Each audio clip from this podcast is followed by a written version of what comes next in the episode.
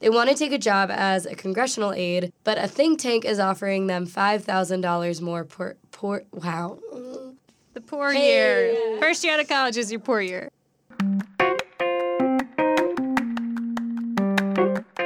Listening to Work in Progress, a podcast that helps you understand and navigate the world of work. Work in Progress is a podcast that belongs to the Virginia Audio Collective. Tune in and subscribe on Apple Podcasts, Spotify, and on the UVA Career Center website. For more resources, follow the UVA Career Center on Facebook and Instagram. I'm your host, Jesse, and I'm a career peer educator and a UVA student. And I'm your host, Kate, and I'm a career counselor at the UVA Career Center. This week on Work in Progress, we talk about money. Cha-ching! Do we have a cash register? Do you talk with your friends about money? Uh, not really. It's uncomfortable to bring it up. Sometimes I will if like we're going out to eat and I'm like I can't do that. But it's never like, "Oh, how much do you spend a week?" or like budgeting questions, you know? I feel like it's taboo. This is pretty much like the least money you're ever going to have in your life, right? Yeah. What are the things that right now cost the most for you? I pay for my like electricity and insurance, so like utilities are my biggest expense. And then aside from that, food is the next biggest thing. But when I say food, like that's on me. Like snacks? Yeah, like I'll be like, you know what I need right now after a horrific exam, like to spend ten dollars on like a Ben and Jerry's pint at CVS on the corner, because everything's ridiculously overpriced. That's a lot to pay for ice cream. It's absurd. But when you're in that state of mind, it's like just give me that Ben and Jerry's pint immediately. Also, emergency expenses. Like I got a flat tire last week. like week. Ben and Jerry's. Uh huh. Yeah. Thank Yeah. you. Yeah. Big emergencies. But, like I got a flat tire, and I was like, oh crap. Like I hope it's not two hundred dollars. Luckily, it wasn't. having but a it's still- car. yeah. Even just doing like an oil change. It's Mm-hmm. only like twenty bucks, but it's still like that's two Ben and Jerry's pints. Just thinking about it Tragic. in that way. So, yeah. They're all fuel related. Yes. Um, I feel like it's different once people start looking at full time jobs. I think a lot of students have a hard time just doing something different from their friends and just owning that. I mean, it, it becomes really different when you start to look at salaries across different industries and what the perks are. Even if you're in the same major and you grew up in the same hometown and you're both here at UVA, you could make really different choices that have different financial implications. And I think over the time I've worked here, I've talked to a lot more students who are a lot more stressed about money mm-hmm. lately. yeah. I had this conversation like last week. If worse came to worse and something happened, my mom or my dad could support me. But thinking about the amount of students, that is not their reality. And like, I'm still stressed. Are you kidding me? But I think it really speaks to like how this is something that's on everyone's mind to some capacity. So, we have some case studies to go over having to do with all sorts of topics related to how are you going to pay for that? And what's somebody going to pay you so that you can go into a career that you're interested in, or even just test out a career that you're interested in? Okay. All right, the first one's related to internships. All right. Taylor is a first year student at UVA.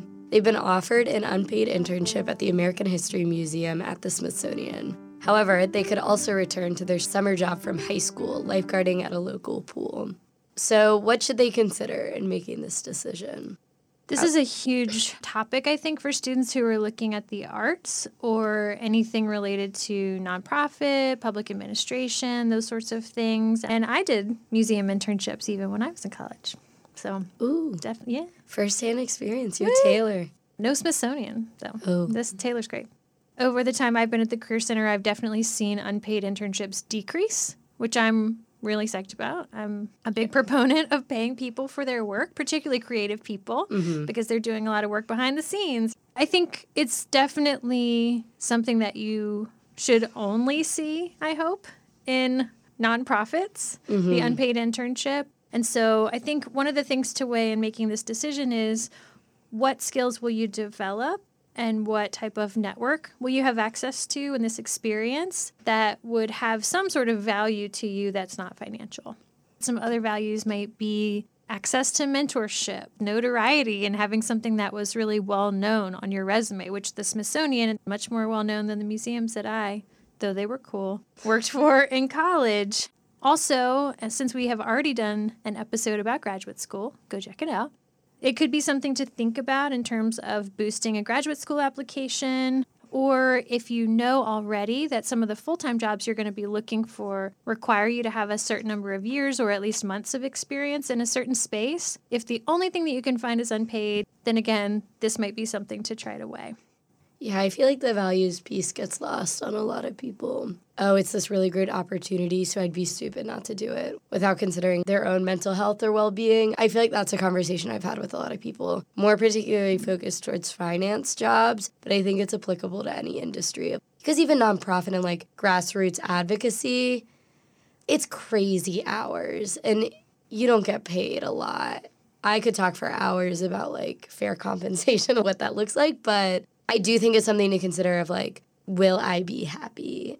The other thing I think about here is that this student's a first year. Mm-hmm. And so when you're still trying to build yourself and build your experience, if you can afford it and if it feels ethical to you that this organization's offering an unpaid internship, you really can't ask someone as easily to work full time hours at an unpaid role, which means you could still perhaps take the lifeguarding job mm-hmm. and maybe just ask about adjusting hours, things like that. And so, one thing I would say is look for a middle ground, see if there's a compromise, if there's a way for you to meet two goals at once.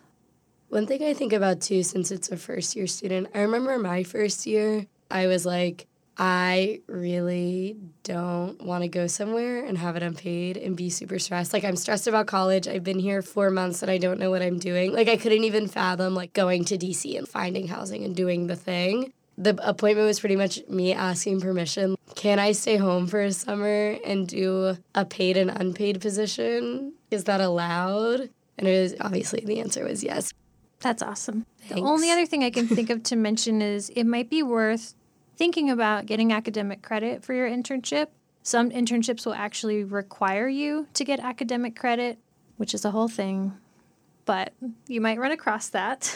And there are some departments that have internship credits that count toward your major. Or if you're just trying to accumulate credits in general, we do have some options through the Career Center where you can get one credit uh, and take professional development. And so feel free to come by the Career Center if you have questions about it.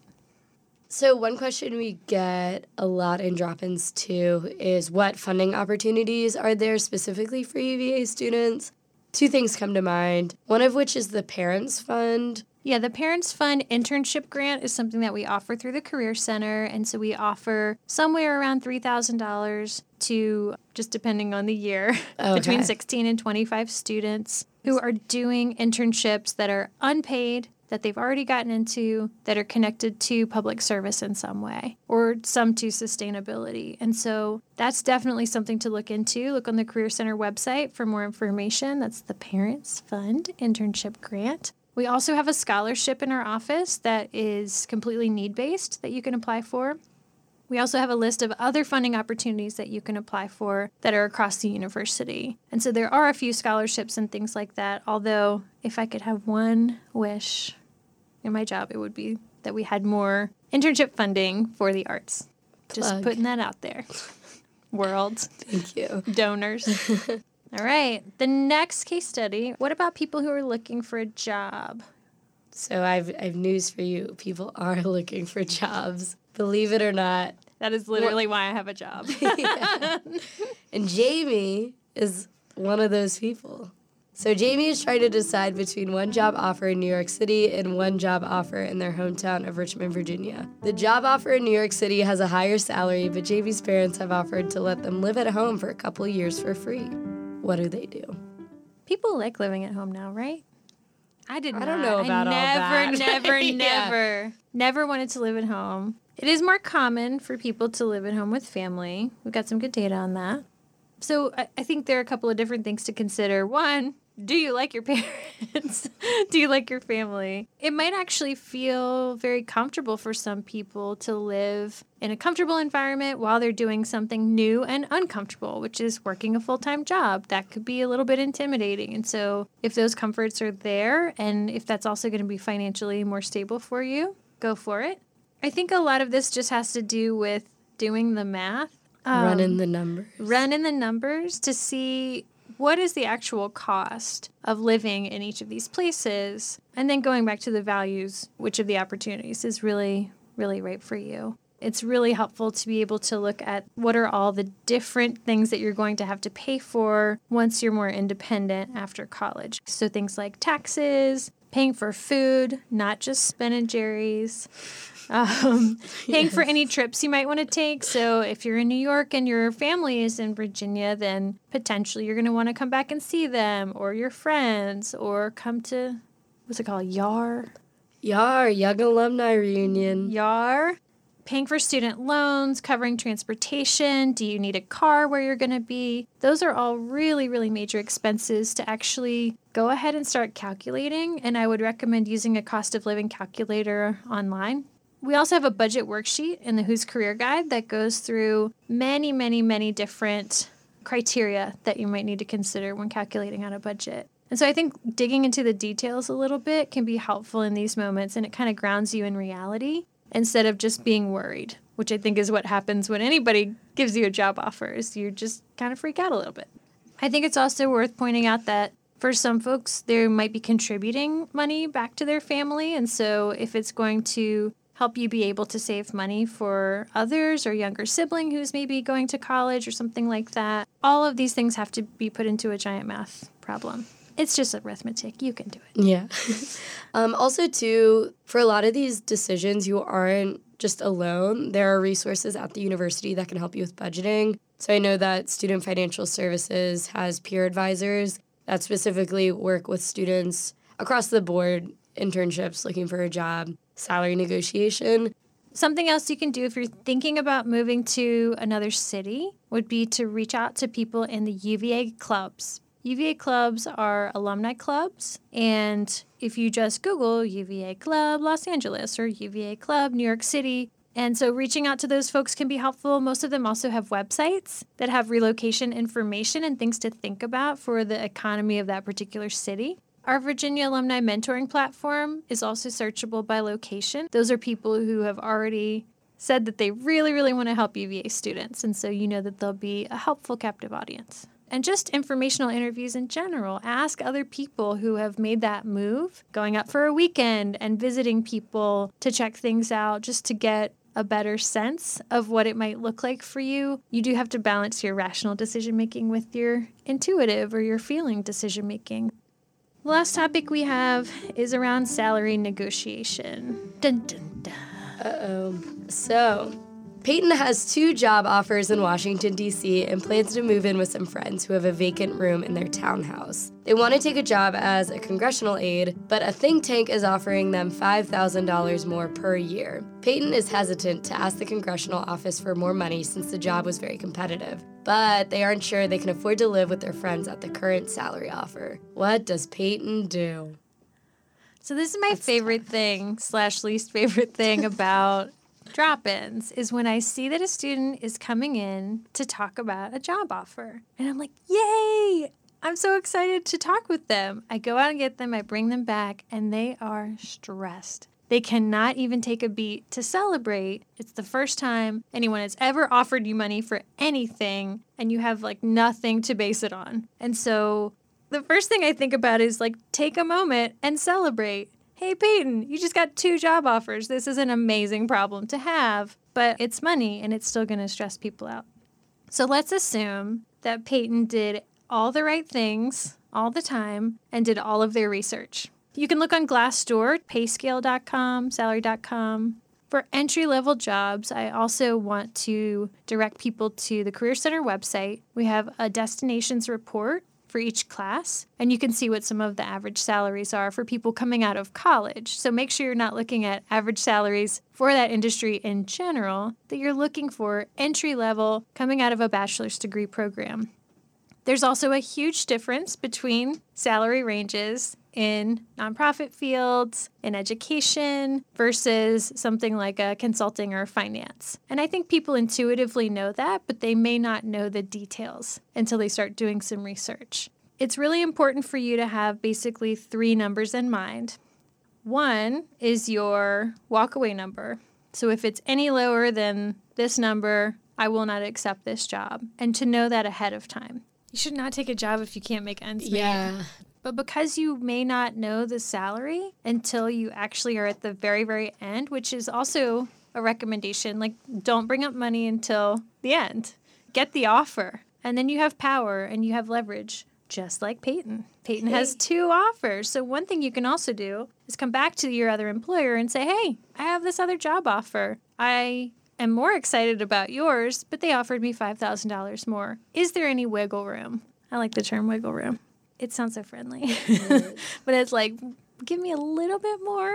Yeah. Companies typically will budget for you to negotiate, and so they'll plan for people to be paid 10 to 15% more than what the advertised salary is. So you're not alone in negotiating for a slightly higher salary. You're not the only person. It's okay to advocate for yourself. If they come back and have a counter offer, then you can kind of take it from there. And these are really individualized conversations. And so feel free to come by the Career Center with your job offer questions. We will celebrate your job offer and then we will help you figure out what's going to be the best thing for you.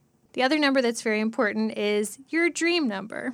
So, what would just make something completely not even worth negotiating if someone offered it to you. And then you need to have something in the middle. And so going ahead and knowing those numbers and writing them down before you start to go through this process is very important. But that also goes back to the math problem we talked about, where you need to also calculate in, you know, what is involved in a salary offer. Is this a package where you're also getting benefits? So, what is the cost of retirement? What other benefits are they offering you? Are there educational benefits? Is there a gym membership? Are there conference fees? Anything like that? Are those factors that have some sort of value for you that might help you make your decision? So, one thing I think is interesting is how your first job can have an impact on your future earnings, like mm-hmm. throughout your career. How should students take that into account? First of all, I would want to put that in the context of within an industry. And so that could be you get paid a lot more or you get paid significantly less. And those are going to be values based decisions, of course. I do think salary history is something that you will start to see impacts you a lot more over the course of your life, but you may not think about it as much when you're entry level. So if you're filling out an application form and it says salary history, you're like, uh, none. um, None. And honestly, I would encourage you not to put any information there or to put not applicable, or if you are allowed to type characters in, you can just say, I would accept a broad range or entry level based on my research. You can put a lot of different things into those fields just to skip to the next section. So try not to put a number on anything until that comes up later in the process. We do have some salary negotiation workshops that we do through the Career Center. Some are designed for women, but they're really for everyone because there's some research out there about women negotiating salaries being different from men negotiating salaries. And so check out our Career Center calendar to see if there are any coming up because we also can come do one for your student organization or for a particular group of people. We have some good resources on the Career Center website, I think, as well. There's so many lessons to be learned in the beginning of your career about the value of a higher salary versus other lifestyle pieces. And I've certainly seen people leave UVA, start at a higher salary, at a more competitive type of job, and then leave that type of job for something that was more flexible that maybe didn't have as competitive a salary. I've also seen plenty of people who may have started out in something that was a little bit lower and then they kind of re educate themselves around what they want financially based on their life goals and what maybe has changed for them. And so this is a process, it's something that's going to change throughout your life. You'll constantly have to reevaluate. And I think having mentorship and getting used to talking about money can be a helpful start.